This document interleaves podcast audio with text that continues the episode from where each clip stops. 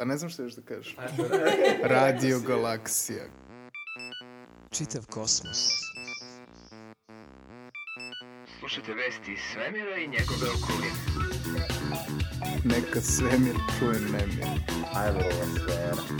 Jer mi znamo kako se rađaju zvezde.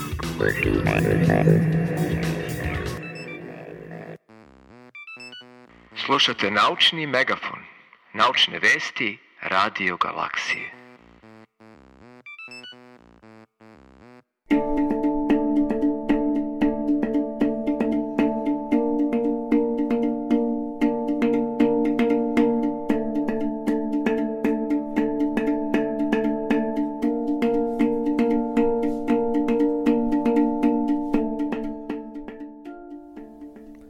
Dobar dan, slušate Naučni megafon, naučne vesti koje vam priprema redakcija Radio Galaksije. E, pozdrav, dobar dan i od mene. Javljamo vam se standardno ponedeljkom od 15 časova na radioaparatu.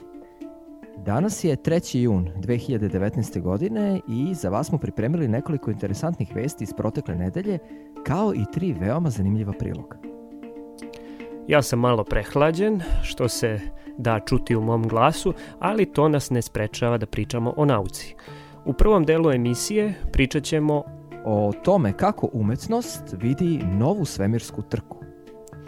o jednom lepom uspehu našeg naučnika u Srbiji, Zatim o uticaju klimatskih promena na neke retke ptice koje žive u severnim morima. O tome kako je čovek prohodao na dve noge i to zbog eksplozije supernove, A čuli smo se i sa Marinom Pavlović, koja će nam pomoći da najavimo jednu lepu manifestaciju na Fruškoj gori. Drugi deo zvezdanog triatlona. a u drugom delu emisije, koju i možete slušati na našem Mixcloud nalogu, pričat ćemo o jednom interesantnom jubileju, o pomračenju sunca iz 1919. godine. Ovaj jubilej nam je poslužio kao baš lep povod za jednu bitnu lekciju iz istorije nauke.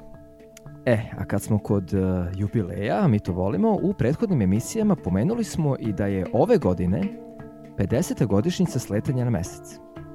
I ti i ja smo o tom e, jubileju, o mesecu, u svemirskoj trci i mnogim drugim stvarima govorili sa aspekta nauke. Međutim, na kulturno-umetničkoj sceni sve više sadržaja posvećeno je nauci. E, takva je jedna umetnička izložba posvećena upravo mesecu koja je nedavno otvorena u Parizu i to pod nazivom Mesec od realnog do imaginarnog putovanja.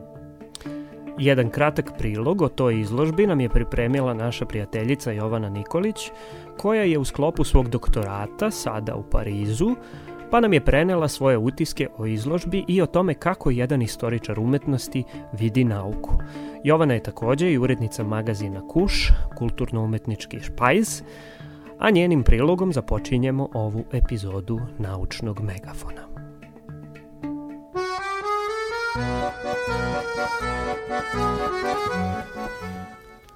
Hvala Darko i hvala Dušane. Jako mi je drago što sam deo ove emisije i što velika i značajna naučna dostignuća, poput sletanja na mesec, spajaju naše struke pa možemo da ih komentarišemo zajedno.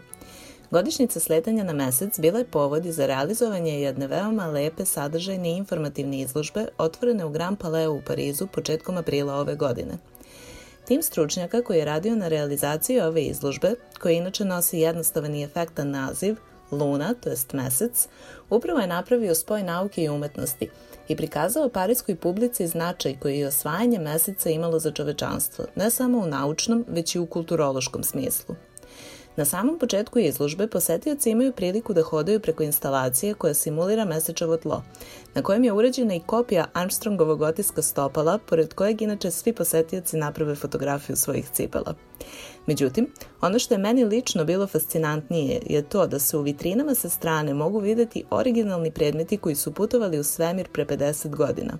Tu su kaciga, rukavica, sat i predmeti za ličnu higijenu trojice američkih astronauta. Pored fotografija, snimaka i panela sa istorijskim podacima i objašnjenjima različitih procesa koji su omogućili da se sletanje na mesec dogodi, Tu je jedna velika roza raketa od šljokica, skulptura umetnice Silvije Fleri, urađena prošle godine, koja nas vodi u drugi deo izložbe u kojem se nalaze radovi modernih umetnika inspirisanih mesecom. Za ljubitelje nešto starije i tradicionalnije umetnosti, tu je i niz prostorija ispunjenih zaista značajnim delima poznatih umetnika koje nam pokazuju kako je mesec bio doživljavan i prikazivan u različitim periodima istorije.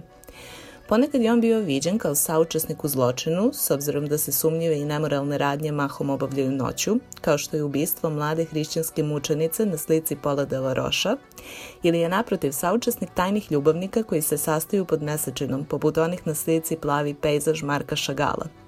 Svakako još od najranijih vremena mesec je bio i simbol ženskog principa, pa je poslednji deo izložbe posvećen umetnosti inspirisanoj mitologijom i religijom različitih naroda i podneblja. Tu se može videti da su skoro sve paganske religije mesec predstavljale ženskim božanstvima. Ovo je samo deo mojih impresija sa izložbe Luna, koji sam poželjela da podelim sa vama i slušalcima. Izložba je otvorena do 22. jula u Grand Palais u Parizu i iskreno je preporučujem svima koji budu imali prilike da je posete. Muzeološki je toliko dobro urađena da će na njoj uživati i ljubitelji svemira i prirodnih nauka kao i ljubitelji umetnosti.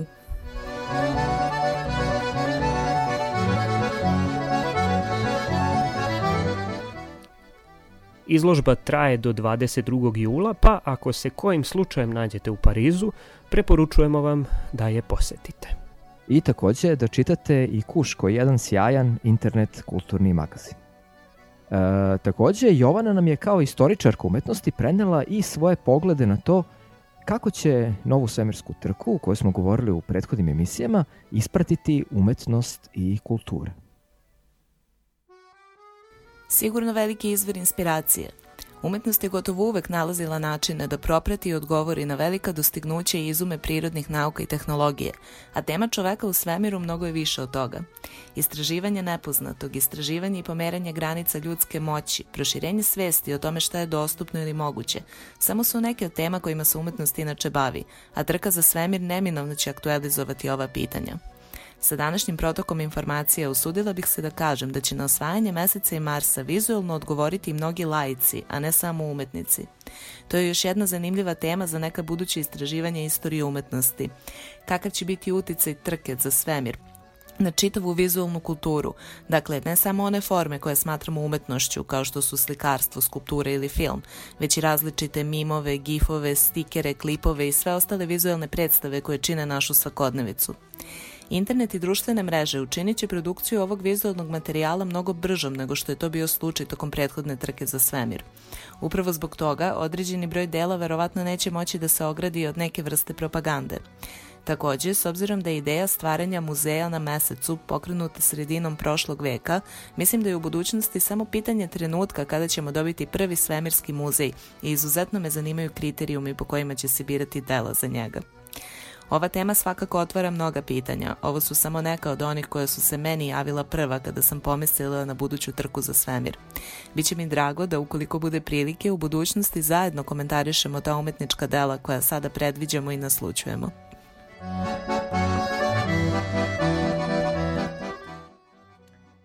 Hvala Jovana i mi se nadam. I prelazimo sada na nove vesti koje će možda nekome od vas koji se bavite umetnošću biti inspiracija za neki novi umetnički rad.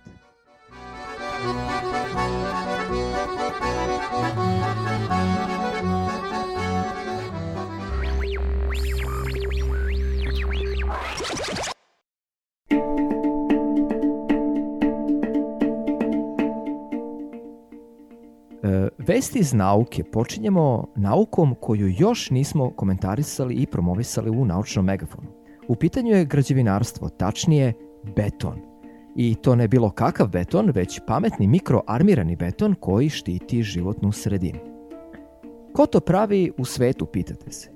Nikola Tošić, docent na Građevinskom fakultetu u Beogradu, dobio je nedavno evropski grant Marije Kiri da razvija upravo ovu ideju.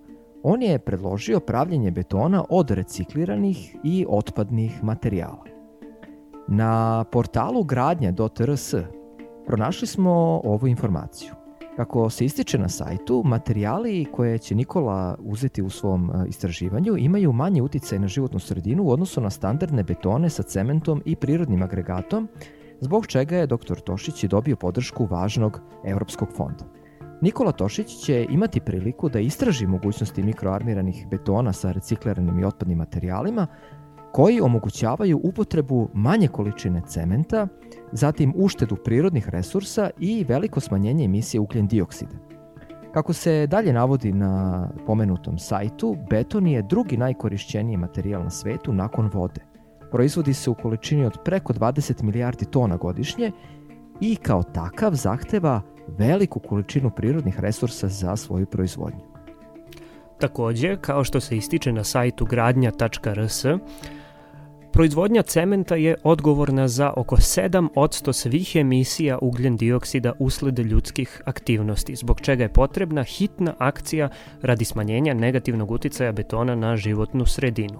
U okviru Nikolinog projekta biće ispitivane mogućnosti upotrebe raznih recikliranih i otpadnih materijala kao što su reciklirani agregati dobijeni drobljenjem otpada od građenja i rušenja, letećeg pepela dobijenog spaljivanjem ugla, e, zgure dobijene iz železara u mikroarmiranim betonima u kojima kratka, čelična ili plastična vlakna menjaju deo ili svu armaturu. Uh, redakcija naučnog megafona želi Nikoli Tošiću mnogo uspeha sa ovim evropskim projektom, kao i uspešno testiranje materijala koje je planirano da se obavi u Španiji. I nadamo se da ćemo izveštavati o budućim otkrićima vezanim za ovo.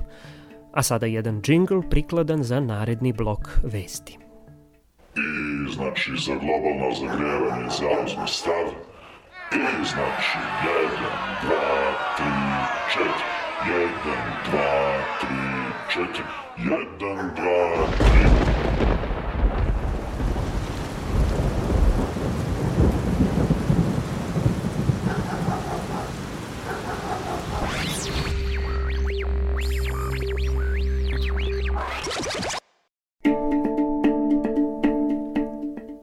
Slušalci će verovatno već početi da me zovu Dušan Klimofil.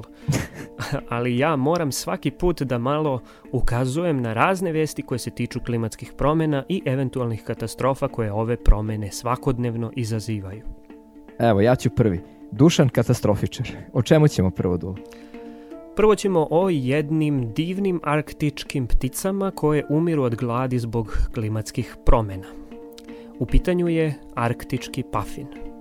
Uh, arktički pafin je ptica koja plovi polarnim vodama i izležava se na santama leda koje plutaju severnim ledenim okeanom.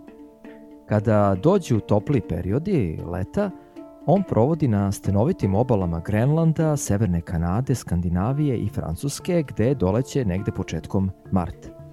Zbog veoma neobičnog izgleda u sezoni parenja, koja počinje u proleće, arktički pafin dobio je još nekoliko imena, pošto njegov kljun nalik na kljun papagaja, tada dobija jarke boje, naranđastu, žutu i tamno plavu.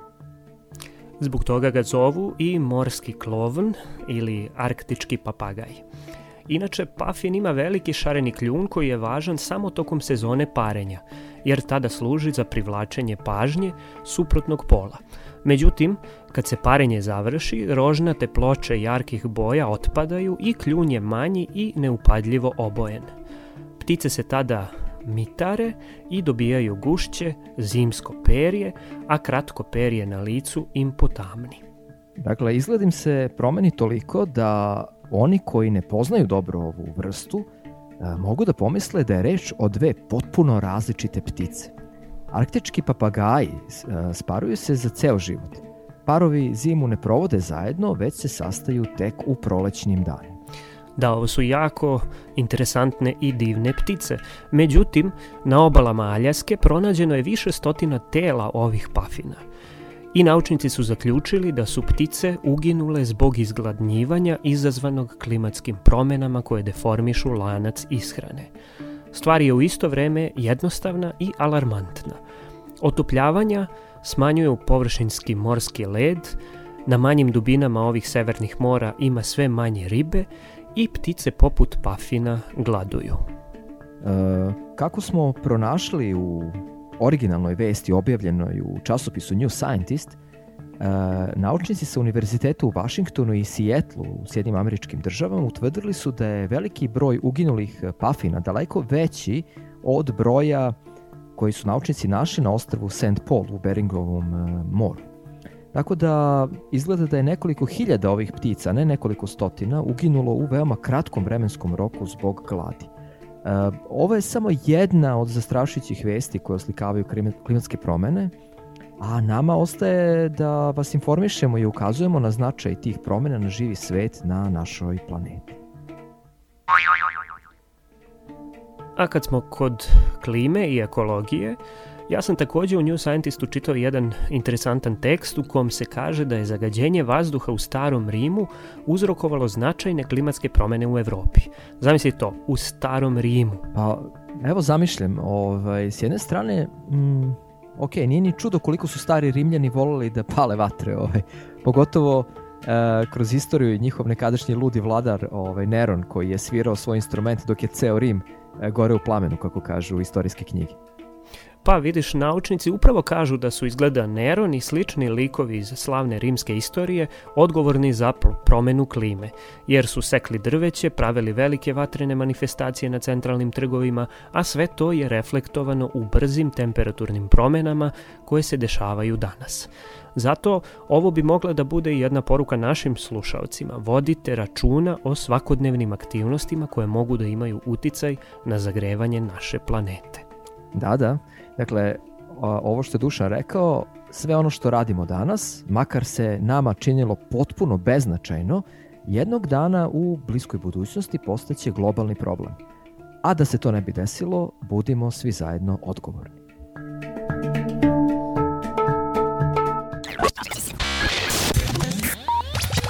Ovo što slušate je Naučni megafon. Naučne vesti Radio Galaksije.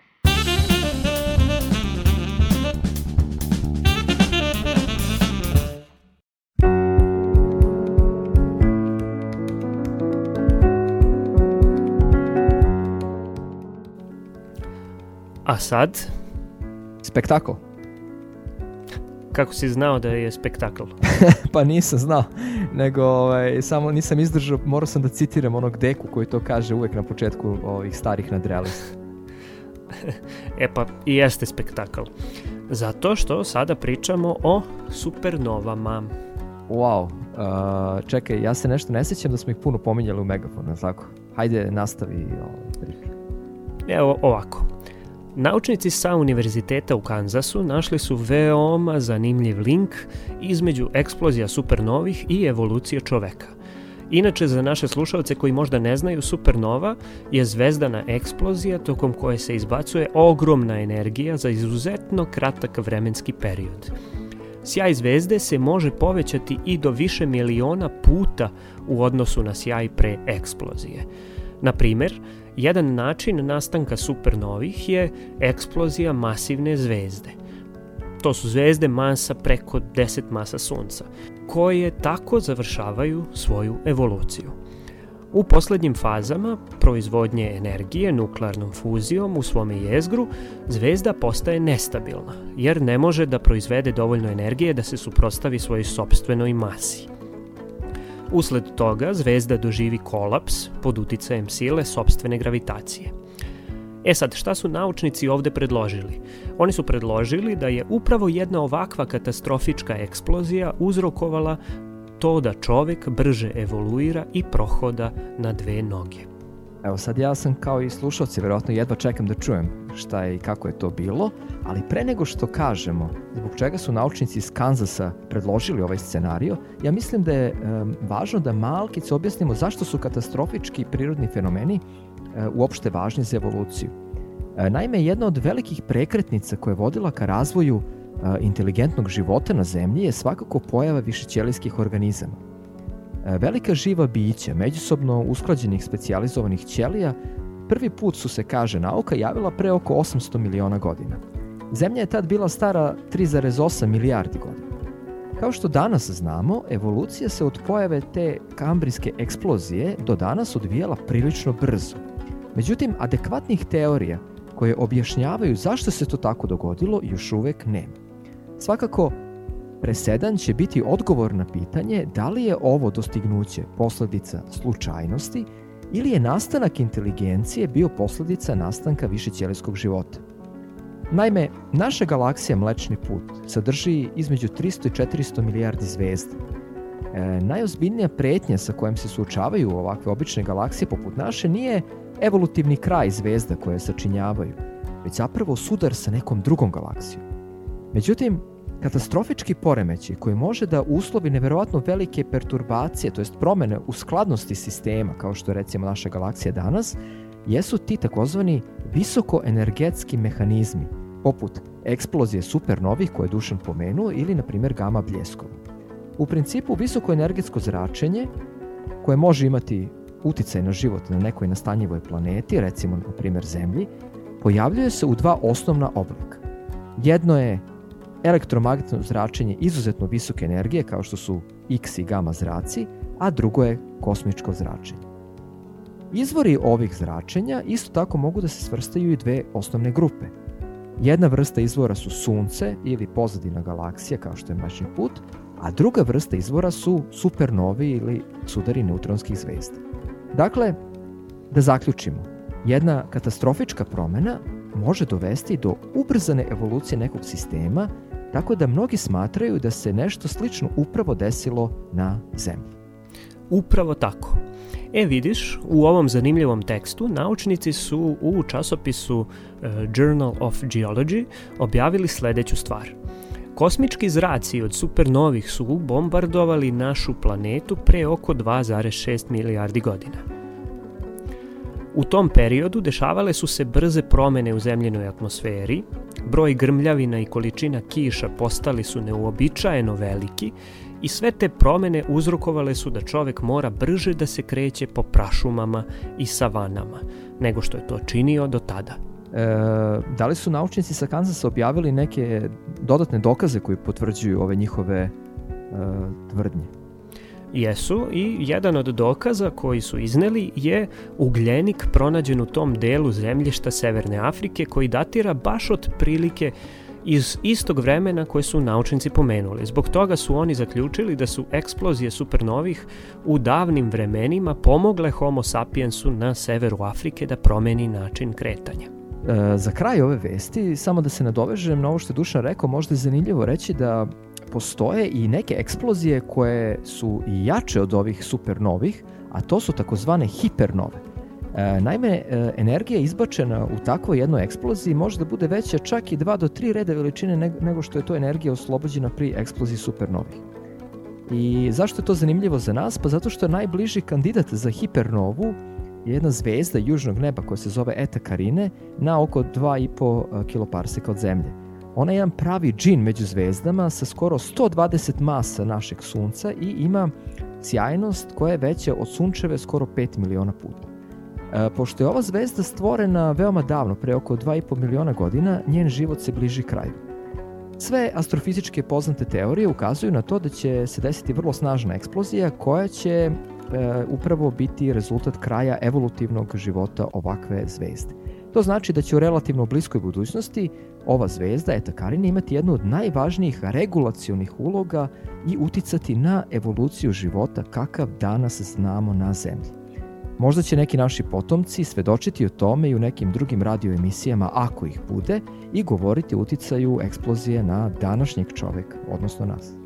Ako uopšte bude naših slušalaca, uh, jer pre toga, ja moram opet da upozorim, klimatskim promenama dovodimo do toga da ćemo izgubiti našu planetu i to veoma brzo.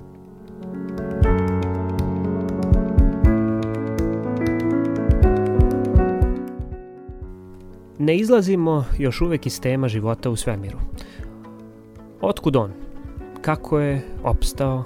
I tako dalje. To su pitanja kojima se bavimo.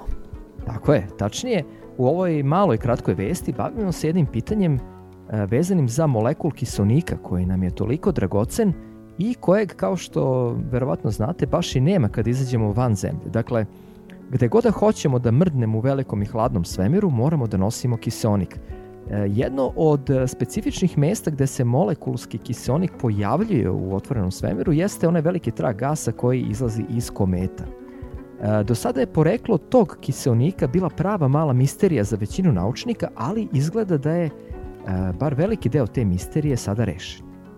Tako je. Naučnici sa Calteha su napravili jednu fantastičnu kompjutersku simulaciju koja im je omogućila da prate ceo tok formiranja molekula kiseonika i to jednim veoma neuobičajenim raspadom ugljen dioksida. Implikacije ovog novog hemijskog procesa koji je do sada bio nepoznat u astronomiji, astrohemiji tačnije, su velike. Pre svega, postaje sve realnije da će čovek na svom putu u duboki svemir moći da nosi mobilne reaktore kiseonika. Recimo, na primjer, kada budemo slali ljude na Mars, ili tako? Upravo tako.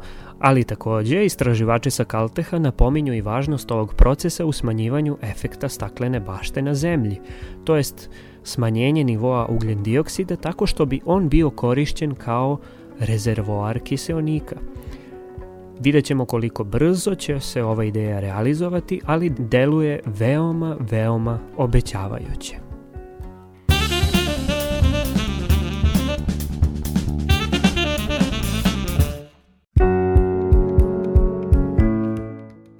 Pre mesec dana najavili smo upravo ovde u naučnom megafonu jednu, e, di, e, jednu divnu manifestaciju koja je potekla od mladih entuzijasta studenta Prirodno-matematičkog fakulteta u Novom Sadu. U pitanju je događaj pod nazivom Zvezdani triatlon. Zvezdani triatlon 2019. je eko festival u Srbiji koji ima za cilj da podigne svest učesnika o problemima svetlosnog zagađenja životne sredine. E sad, Kako ovaj oblik zagađenja zadire u toliko različitih oblasti i utiče gotovo na svaku sferu našeg života, organizatori su se potrudili da imaju pregršt divnih propratnih aktivnosti u sklopu ove manifestacije. E, u maju mesecu organizatori su imali veoma loše vreme, pa je odlučeno da se program ponovo održi sada u junu. Mi sve slušaoce naučnog megafona pozivamo da uzmu učešće na ovom e, zvezdanom triatlonu, koji je inače besplatan, a šta na njemu sve možete da očekujete, reći će vam Marina Pavlović, koja je jedan od koorganizatora i ujedno studentkinja e, doktorskih studija na Prirodno-matematičkom fakultetu u Novom Sadu. Neki bi rekli da nas je vreme omelo, ali mi smatramo da imamo sreće što se naš triatlon sada održava dva dana – Naime, program zvezdanog triatlona koji je bio prekinut zbog vremenskih neprilika nastavlja se 8. juna na već poznatoj lokaciji u Gorskom smešku na Popovici. O primarnim ljudskim strahovima o tame pričat će profesorica dr. Snežana Tovilović sa Filozofskog fakulteta.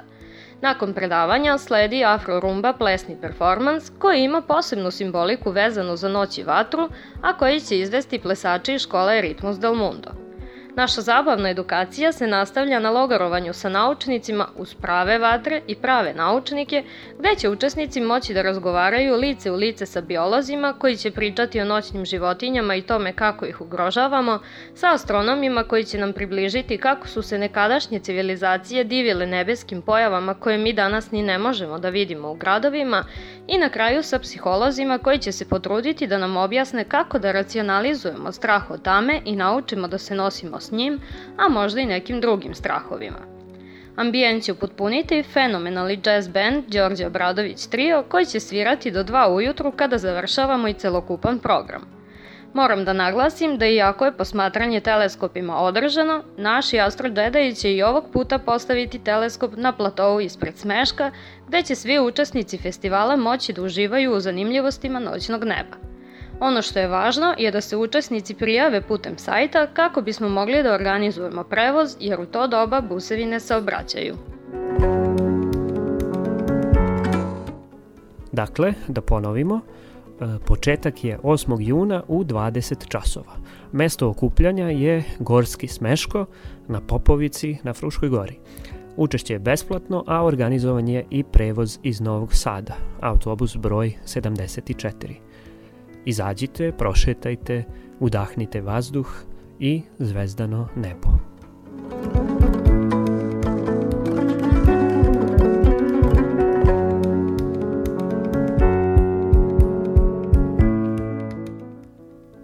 To bi bilo sve od vesti koje smo vam pripremili za danas. Idemo sada na malu muzičku pauzu pa se vraćamo sa drugim delom naučnog megafona, u kom ćemo pričati o jednoj interesantnoj naučnoj ekspediciji koja se dogodila pre tačno 100 godina. E, šta slušamo danas? Slušamo tvog imenjaka, Darka Rundeka, koji je u posljednje vreme veliki aktivista u oblasti ekologije i stalno je na nekim protestima i ekološkim akcijama. Aha. Slušamo pesmu Štrajk željezničara.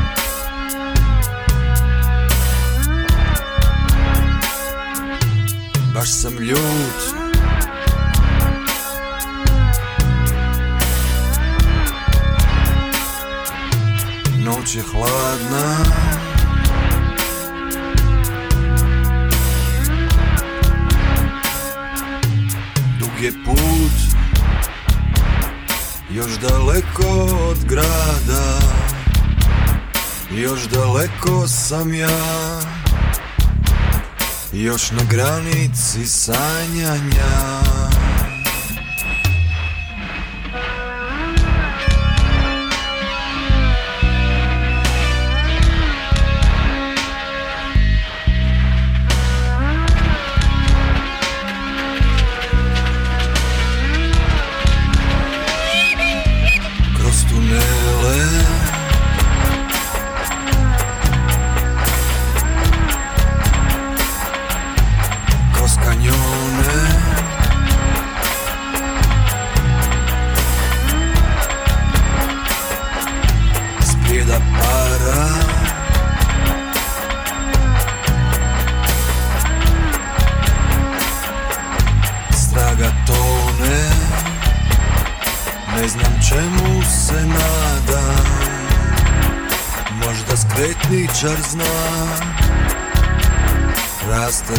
u mašinama.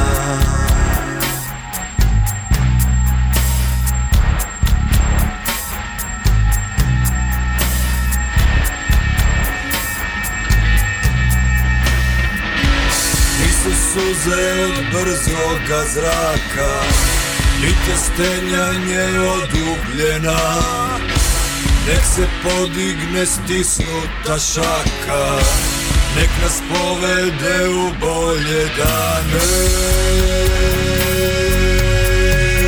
Sve neka nas zna Da nisam sluga ja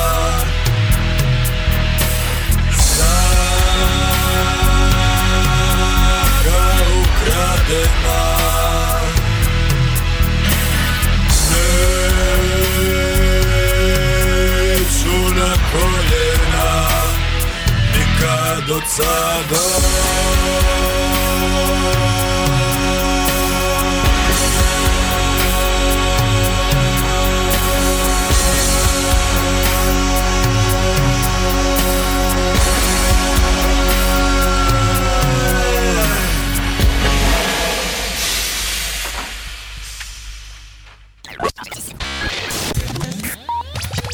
Ovo što slušate je Naučni megafon.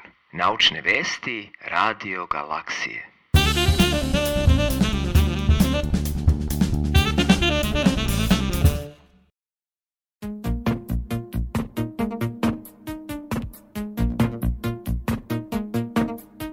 Drugi deo ove epizode posvećujemo jednom lepom jubileju koji je odličan povod za jednu lekciju iz istorije nauke.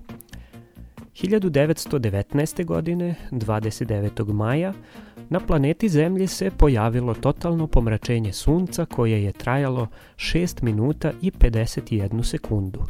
Bilo je to najduže pomračenje sunca još od 1416. godine.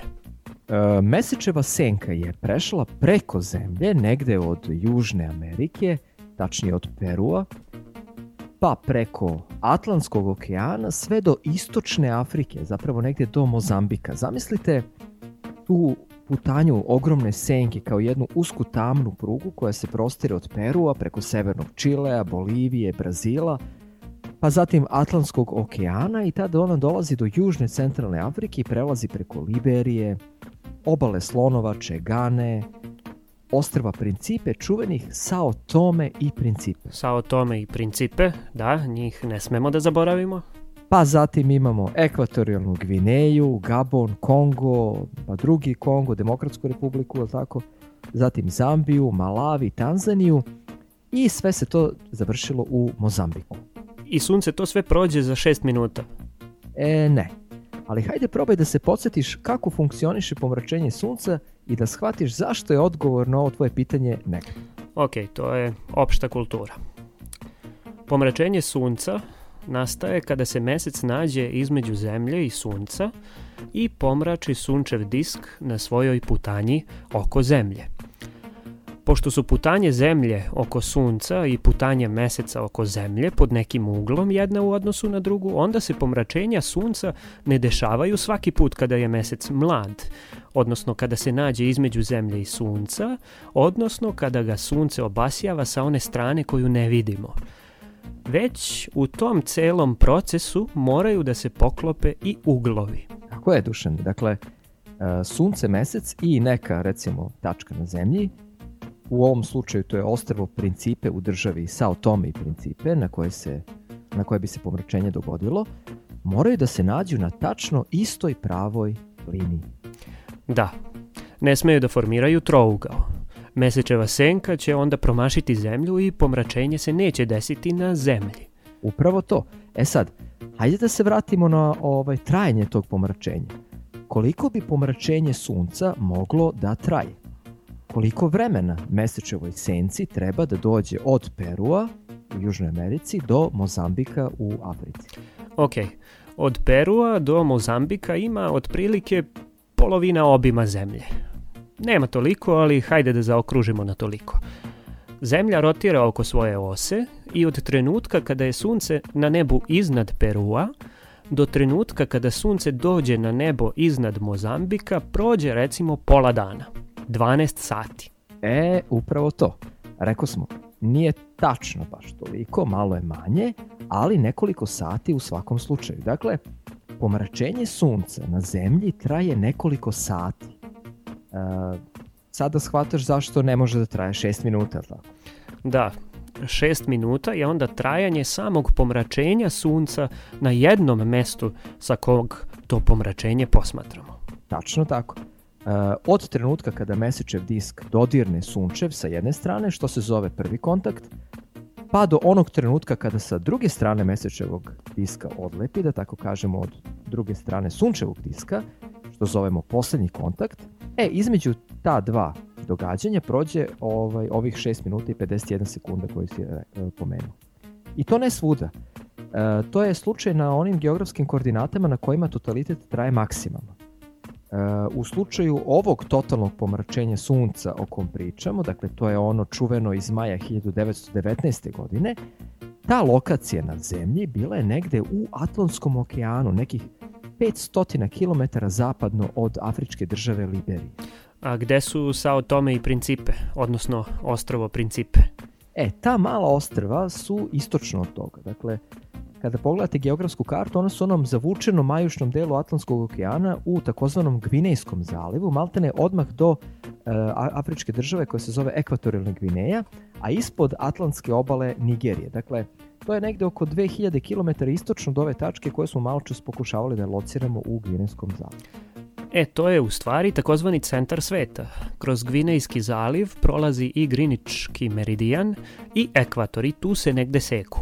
Tako je. E, geografska širina ostrva Principe je nešto više od jednog stepena severno od ekvatora, a geografska dužina je nešto više od 7 stepeni istočno od ekvatora.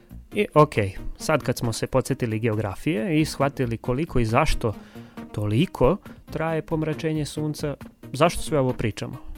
E, pričamo iz uh, pa nekoliko razloga. Ovaj, prvi je zato što ćemo se danas podsjetiti jednog važnog jubileja koji je izuzetno značajan za nauku. Tačno 100 godina je prošlo od čuvene ekspedicije posmatranja potpunog pomračenja sunca koji je organizovao poznati engleski fizičar Arthur Eddington upravo e, na ovom ostrvu.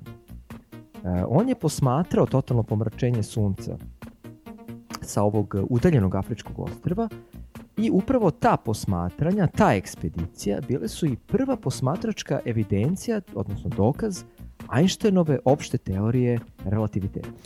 Čekaj, čekaj, čekaj, čekaj. Previše informacije odjednom. Kakve sad veze imaju opšta teorija relativnosti i pomračenje sunca? E, to je baš jedna lepa priča na koju se vraćamo odmah nakon ovog džingla.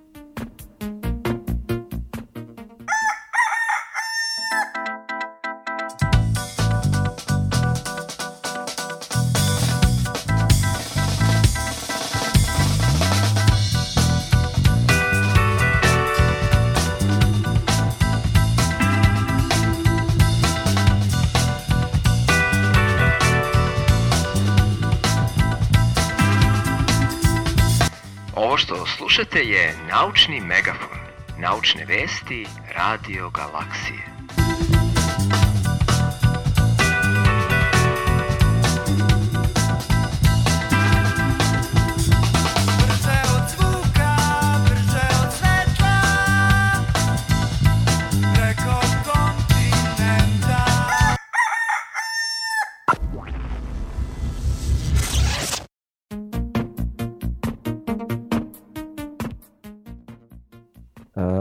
Opšta teorija relativiteta, skraćeno OTR, koji je Einstein postavio nekoliko godina pre ove ekspedicije, tačnije 1915. godine, je, kao što znamo danas i kako se to lepo kaže, geometrijska teorija gravitacije. Ona nam govori da naš svemir ima četiri dimenzije, tri prostorne i jednu vremensku. Mi to sve zovemo danas četvorodimenzionalno prostor-vreme. Sve, poš- sve što postoji od materije nalazi se u tom prostor vremenu, to jest oni koegzistiraju.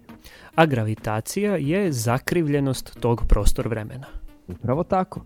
Kada se na nekom mestu u prostor vremenu nađe neki masivan objekat, on prostor vreme oko te tačke zakrivi. Kao kada razvučete čaša, zategnete lepo sa svih strana, a onda na njega bacite recimo kuglu za kuglanje, Čaršav je, jel tako, isprva bio sasvim ravan, ali kada se na njemu nađe masivna kugla, ona taj čarši, čaršav zakrivi. A kada na taj čaršav, pored kugle, bacimo na primjer kliker, on će se kretati po čaršavu oko kugle. E, tačno tako. Dakle, zakrivljenost prostor vremena koju uzrokuje masivni, jako masivni objekat, govori onim drugim telima oko tog masivnog objekta kako da se kreću, kao u ovom slučaju kugla klikera. I to je upravo ono što je Eddington, koga smo pomenuli, rekao jednom prilikom kada je objašnjavao opštu teoriju relativnosti. Masa govori prostor vremenu kako da se krivi, a zakrivljenost prostor vremena govori masi kako da se u njemu kreće. E, opšta teorija relati- relativiteta je mnogo komplikovana teorija, ali ako bismo sve sa- mogli da sažmemo u nešto što je jako lepo i prosto rečeno, to je upravo ovo što si sad citirao. I znaš što je posebno bitno u svemu tome? Zakrivljenost prostor vremena ne samo da govori masi kako da se kreće, već govori i svetlost. Čekaj, kad svetlost prođe pored masivnog objekta, njena putanja se zakrivi. Tako je. Gravitacija masivnog objekta privuče svetlost koja prođe pored njega malo ka sebi i promeni putanju toj svetlosti. I to je jedna od najvažnijih predviđanja opšte teorije relativnosti. I svaki objekat u svemiru to radi. Da. Što je veća masa, to je veće skretanje svetlosti koje prolazi pored tog objekta. Tako recimo, e, masivne galaksije umeju da zakrive svetlost koja dolazi iza njih toliko da se ti objekti koji emituju tu svetlost na nebu potpuno iskrive. Tako nastaju čuveni Einsteinovi prsteni recimo. A tu masivnu galaksiju koja je, da kažemo po znacima navoda, skretničar svetlosti, zovemo veliko gravitaciono slo, sočivo. Ha, sad kapiram zašto smo u pauzi slušali štrajk željezničara. Čemu se nadam Možda skretničar zna Raste tlak u mašinama A sunce? E, I sunce je skretničar kao u ovoj pesmi Rundekovoj, naravno, ali naravno mnogo slabiji skretničar, jer sunce recimo e, može da za nekoliko stepeni skrene svetlo zvezda koja se nalazi iza njega i ovaj, to rezultuje time što mi onda na zemlji tu zvezdu ne vidimo na isto mesto na kom se ona stvarno nalazi, već na malo pomerenoj lokaciji na nebu. E, koliko je ona pomerena, to je upravo za taj jedan mali ugao za koji je sunce skrenulo njenu svetlost sa pravca sa kog je ovaj, ta svetlost inače dolazi. Ok, ja sam to sve nekako zamislio. Nadam se i da su i naši slušalci. Teško je zamisliti stvari samo na osnovu objašnjavanja na radiju, ali to je upravo čar radija. I to je ono što vam ostavlja prostora da sami zamišljate kako nešto o čemu govorimo izgleda. E sad kad smo svi zamislili kako sunce svojom gravitacijom u prostor vremenu skreće svetlost sa neke daleke zvezde, kakve to veze ima sa ovim pomračenjem o kom govorimo? E, ima, ima i te kakve veze i sada evo upravo ti ja pokušavamo našim slušalcima da objasnimo kakva je to veza. Dakle, prvo da objasnimo e, kako izgleda totalno pomračenje sunca. Nismo baš imali prilike Srbije da ga ovaj, posmatramo na pravi način još od one čuvene i pomalo tragikomične 1999. godine. Da, većina ljudi nije ni tada posmatrala to pomračenje sunca jer je od strane Ministarstva zdravlja bilo preporučeno da se svi zatvore u svoje kuće, navuku roletne i sačekaju da prođe. Da, ovaj, ja se sećam, ja sam bio školarac tada i to je bio jedan veliki skandal, jedan veliki uh, poraz nauke, naučne pismenosti u Srbiji. Jednu tako lepu i redku prirodnu pojavu koju ljudi na planeti posmatraju od kad postoje Ministarstvo zdravlja tadašnje naše jugoslovenske vlade proglasilo je opasnom po zdravlje, tako da su se svi ljudi, kao što si rekao, zatvarali u kuće, čak su i životinje zatvarali da ne izađu u svoje, u svoje dvorište i tako dalje i tako dalje. Totalno pomračenje uma. E, upravo, to je e, jedna fantastična, ovaj, da kažemo, tekovina pomračenih umova koji nam, nažalost, vode i državu, nalaze se na bitnim pozicijama, a narod, jel, kao ovce prate sve što se kaže. A inače, samo mala digresija je da postoje i pozitivni primjeri pomračenja sunca koji su ljudi posmatrali sa teritorije Srbije. Znači, pre 1999. godine postoji jedan divan snimak koji mogu naši slušalci da nađu na YouTube-u, a on datira iz 1961. godine, dakle, malte ne 40 godina pre tog tragikomičnog pomračenja, ove, gde se lepo vide građani Beograda kako mirno, staloženo na Kalemegdanu idu da ovaj, posmatraju i slušaju o pomrčenju sunca. A eto, 99. mi to sve lepo zaboravimo i onda se sakrijemo u kuće. I sve to dovodi do toga da nam je obrazovanje u krizi, samim tim nam je u krizi i naučna pismenost, a samim tim i sve ostalo. Verujemo u ravne zemlje, chemtrailse, verujemo da su vakcine opasne i dalje i iznova diskutujemo o tome da li evolucijnu biologiju treba učiti u školama, da li je to naučna teorija ili nije. A teorija, teorija evolucije, odnosno takozvana moderna sinteza je najnaučnija teorija koja postoji u celoj nauci. Tragično, ali trudimo se da to ispravimo, makar govoreći u ovaj naš mali megafon. Nego, hajde da se vratimo na pomračenje sunca. E, da, pitao se me kako izgleda. A, prvo, na nebu jako blizu jedno drugom vidi se, vide se sunce i mesec. I oni se polako kreću jedan prema drugom. U nekom trenutku mesečev disk dodirne sunčev disk. Rekli smo ranije, to se zove prvi kontakt. E, tada počinje pomračenje sunca. U narednih par minuta mesečev disk polako prekriva sunčev disk, onako vrlo polako, vrlo lagano. I sve dok ne dođe do trenutka kada ga potpuno prekrije, i onda u tom trenutku se sve odjednom zamrači i imate utisak da je pao potpuni mrak, onako neki nagli mrak u sred dana. I sunce se uopšte ne vidi. E, površina sunca, takozvana fotosfera, tada je potpuno zaklonjena mesečevim diskom. Međutim, to nam daje priliku da vidimo ostale delove atmosfere Sunca koje su inače manje sjajni od fotosfere, pa se po danu ne mogu primetiti. Recimo, oko mesečevog diska se pojavi jedna prelepa bela kruna. I to je velika takozvana sunčeva korona, ili to znači kruna, tako. A, na samom obodu sunčevog diska ponegde takođe vidimo male naranđasto crve, crvenkaste plamičke koji čine takozvanu hromosferu. To su velike eksplozije na suncu koje izbacuju materiju sa fo- fotosfere u vis. A onda se ta materija, taj mlaz, vraća ka suncu i tako pravi prelepe lukove koje se vide iznad površine naše najbliže zvezde. Dakle, atmosfera Sunca je podeljena na tri dela. Na fotosferu, i to je ono što vidimo preko dana, ona je jako, jako, jako sjajna. Iznad fotosfere se nalazi drugi sloj, hromosfera, tanak sloj u kom se dešavaju ta izbacivanja materije, a iznad svega toga se nalazi velika, velika, velika korona. Da, da, i e, to je sve što se vidi od sunca tokom totalnog pomračenja. E, međutim, to sve, što smo rekli, nije toliko bitno za našu priču. Za našu priču je važno da se tokom totalnog pomračenja sunca vide i, pogađate, zvezde. Pa da, logično. Ako zaklonimo sunce, pojavit će se zvezde.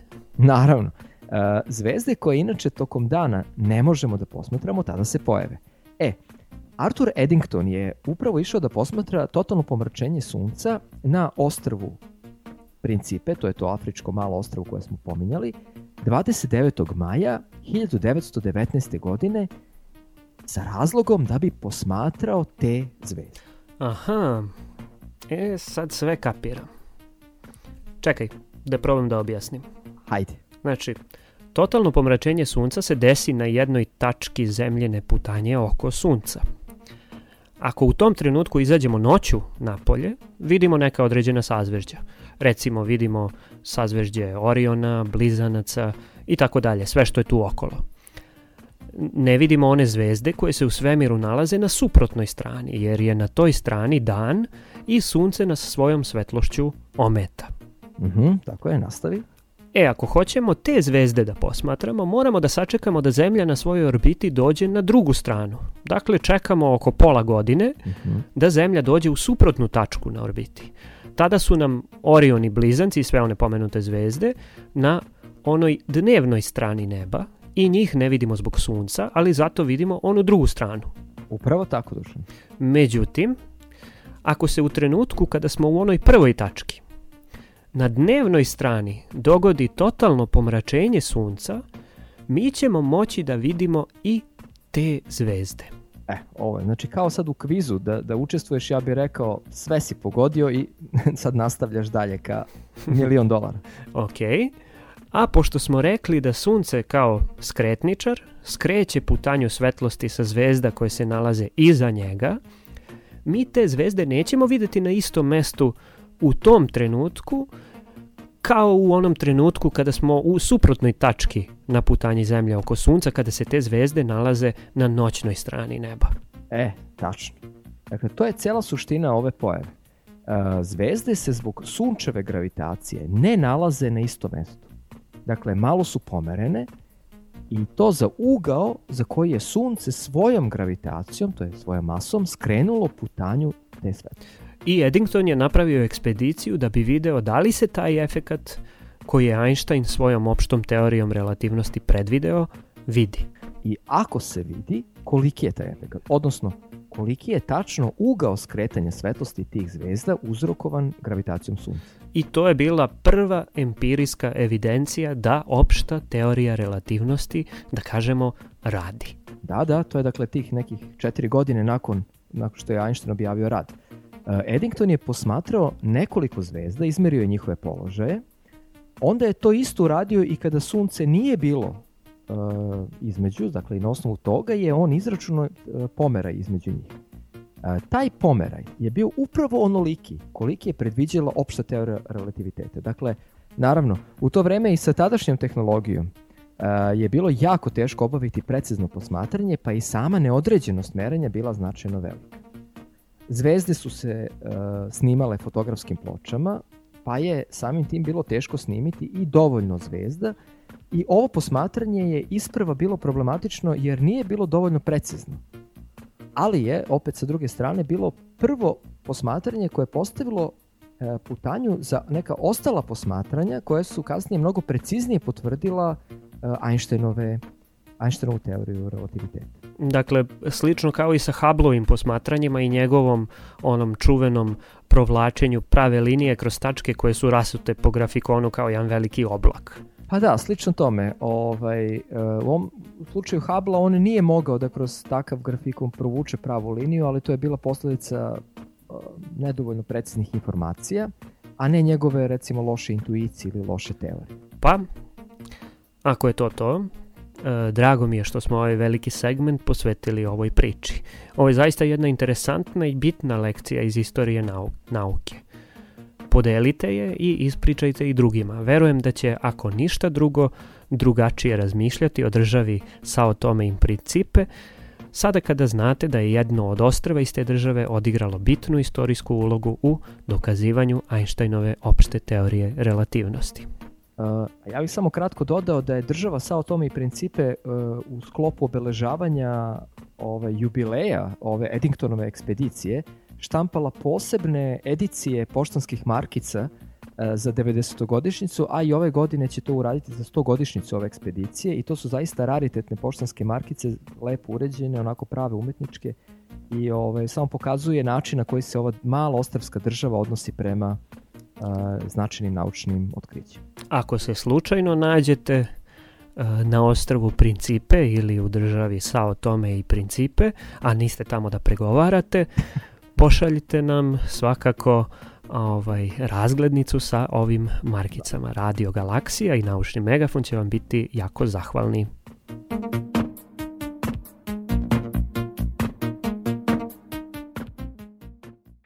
Da li se nekad igrate školica? Školice.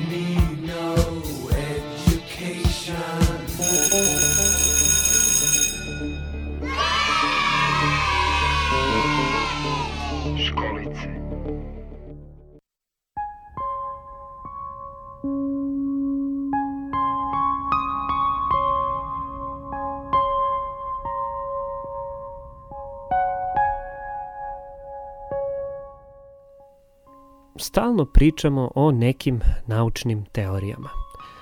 A u javnosti, u kafanskim raspravama, na raznim mestima u društvu može se čuti rečenica ma to je samo teorija. Kao da je teorija nešto što ti padne na pamet bez ikakve strukture, logike i veze sa realnim svetom. E to je duboko pogrešno. Slušajte sada vrlo pažljivo. Ovo ćemo reći samo jednom. Teorija je najsloženiji i najveći sistem objašnjenja u nauci. E, I ne bilo koji sistem objašnjenja, već sistem objašnjenja koji je podložan testovima, proverama i ono što je najvažnije, opovrgavanju. E, model koji najbolje odgovara svim mogućim činjenicama. Priča o Eddingtonovoj ekspediciji nas je podstakla da u današnjim školicama istaknemo nešto što je u nauci jako bitno. Šta je naučna teorija i kako se dokazuje. Tako reći, današnje školice su mala lekcija iz metodologije i filozofije nauke. Ljudi olako barataju terminima iz filozofije nauke. Stalno se pominje teorije, hipoteze, dokazi, ali e, šta ti termini zapravo podrazumevaju? Šta znači kada kažemo da je neka teorija naučno dokazana? U ovoj priči veliku ulogu su odigrala dva ve velika imena filozofije 20. veka. Zapamtite ih, to su Karl Popper i Thomas Kuhn. Popper se bavio problemom dokazivanja naučnih tvrdnji i iskaza. Njegov ključni doprinos nauci i filozofiji nauke je pojam opovrgljivosti. Popper je govorio o tome da u svetu postoje razne tvrdnje. Na primer, Bach je bolji kompozitor od Madone. Čovek je nastao od čovekolikih majmuna. Čoveka je stvorio Bog. Bog postoji. Bog ne postoji. Pomračenje sunca je štetno po zdravlje. Pomračenje sunca je prelepa pojava. Sunce svojom gravitacijom zakrivljuje svetlost zvezda koja prolazi pored njega i tako dalje i tako dalje. Međutim, nisu sve tvrdnje naučne. Da bi tvrdnja bila naučna, ona mora da zadovoljava neke uslove.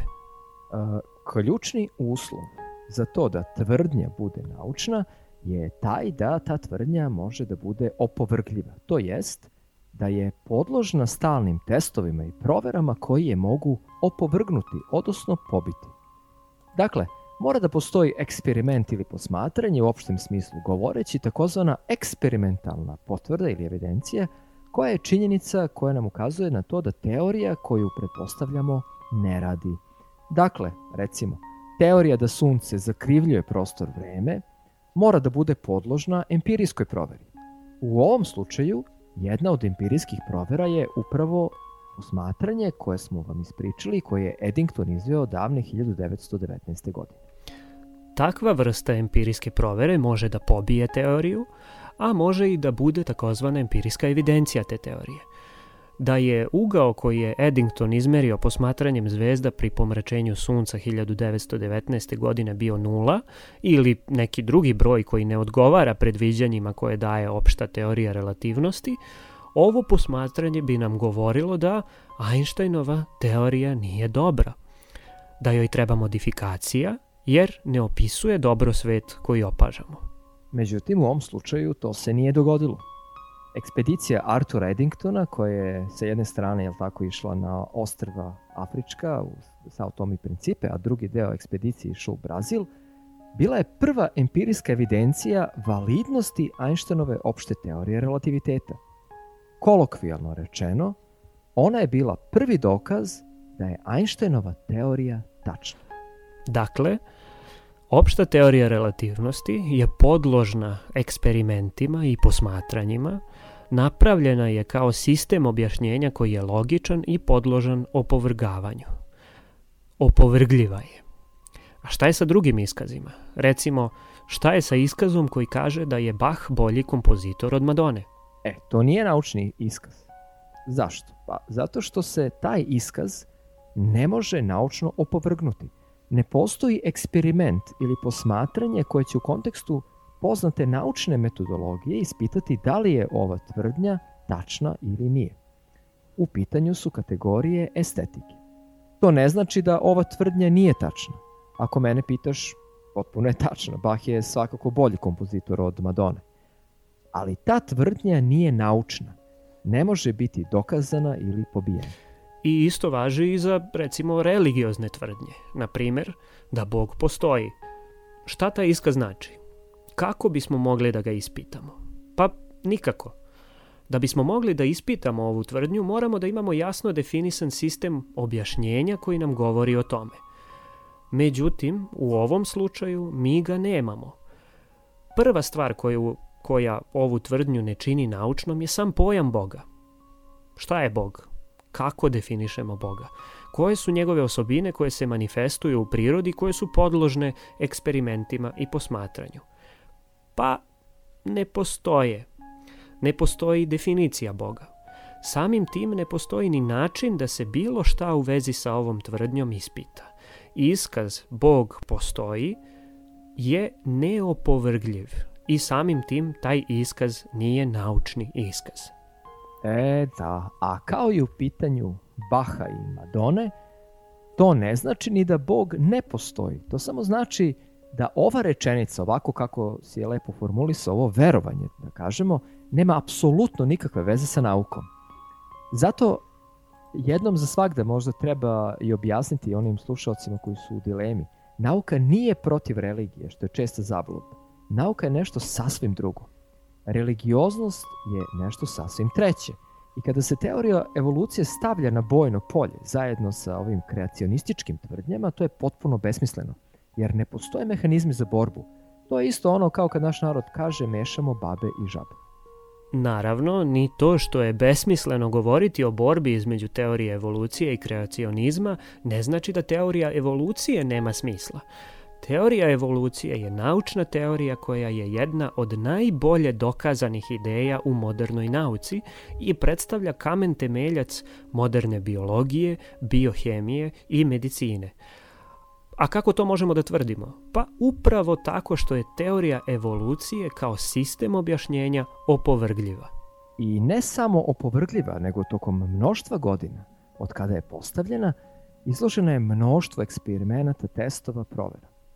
Do sada je prošla svaki mogući test, a testova je bilo baš dosta.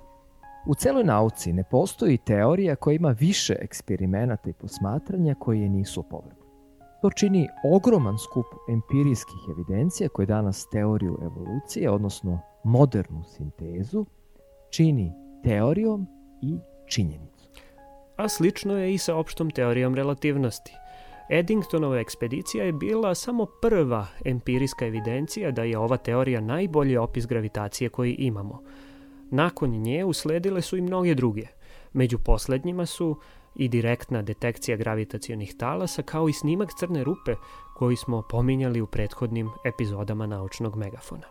E, upravo to, dakle, kao neki zaključak ove epizode, ali tako Dušane, e, volili bismo da sa sobom, da kažemo slušalcima da sa sobom ponesu to da je naučna teorija jedan sistem e, objašnjenja koji je stalno podložen ispitivanjima, koji mora da bude opovrgljiv i to je ta ideja koju je u moderno civilizacijsko znanje uveo čuveni e, britanski filozof austrijskog porekla Karl Popper.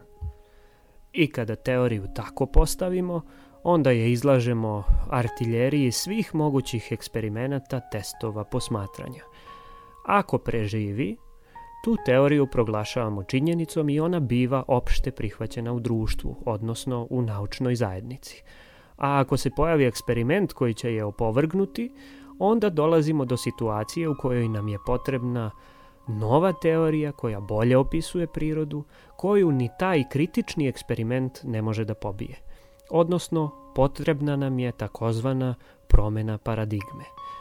Tu ideju o promenama paradigmi je u civilizaciju uveo Thomas Kuhn, ali vraćat ćemo se na teme iz filozofije nauke i ilustrovat ćemo ih u svakom naučnom megafonu, jer upravo kroz vesti o otkrićima iz nauke govorimo o svemu ovome.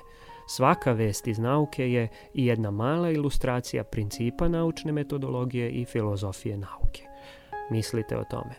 Takođe, ovo su neki osnovni principi koji su, slažeš se, idealistički. Dakle, u nauci mnogo toga funkcioniše na dosta složeni način, pa se stvari ne mogu baš direktno svesti na sve ovako uprošćeno, kao što smo rekli. Međutim, i filozofija nauke od Popera preko Kuna pa do danas dosta napredovala i dalje napreduje i razvija se. E, mnoštvo je tema iz filozofije nauke o kojima bismo mogli da pričamo, ali to ostavljamo za neku narednu epizodu ili vama, slušalcima, da sami istražite ukoliko vas ovakve debate i teme zanimaju.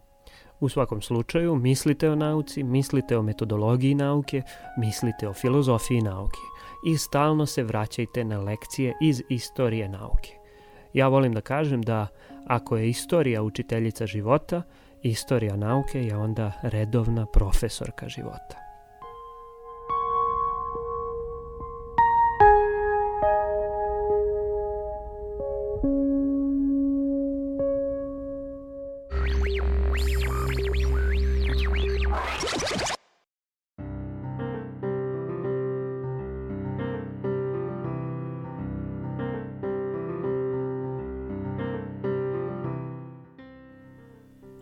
To sve od nas za vas u današnjoj epizodi Naučnog megafona. E, možete nas pratiti na društvenim mrežama, a sve stare epizode možete naći na našem Mixcloud nalogu. mixcloud.com, kosa crta, Radio Galaksija. Pratite nas, slušajte nas. A posebno insistiramo da nam se javljate stalno sa nekim lepim sugestijama i kritikama. I zaista nam mnogo znači kada nam ukažete na greške koje pravimo ili kada nam date predlog za neku promenu. Vaše kritike su nam najbolji kompliment. I to je rekao Karl Popper. Upravo, popera nikad dosta. Pozdravljamo vas i čekamo vas ponovo na radioaparatu sledećeg ponedeljka. Do slušanja.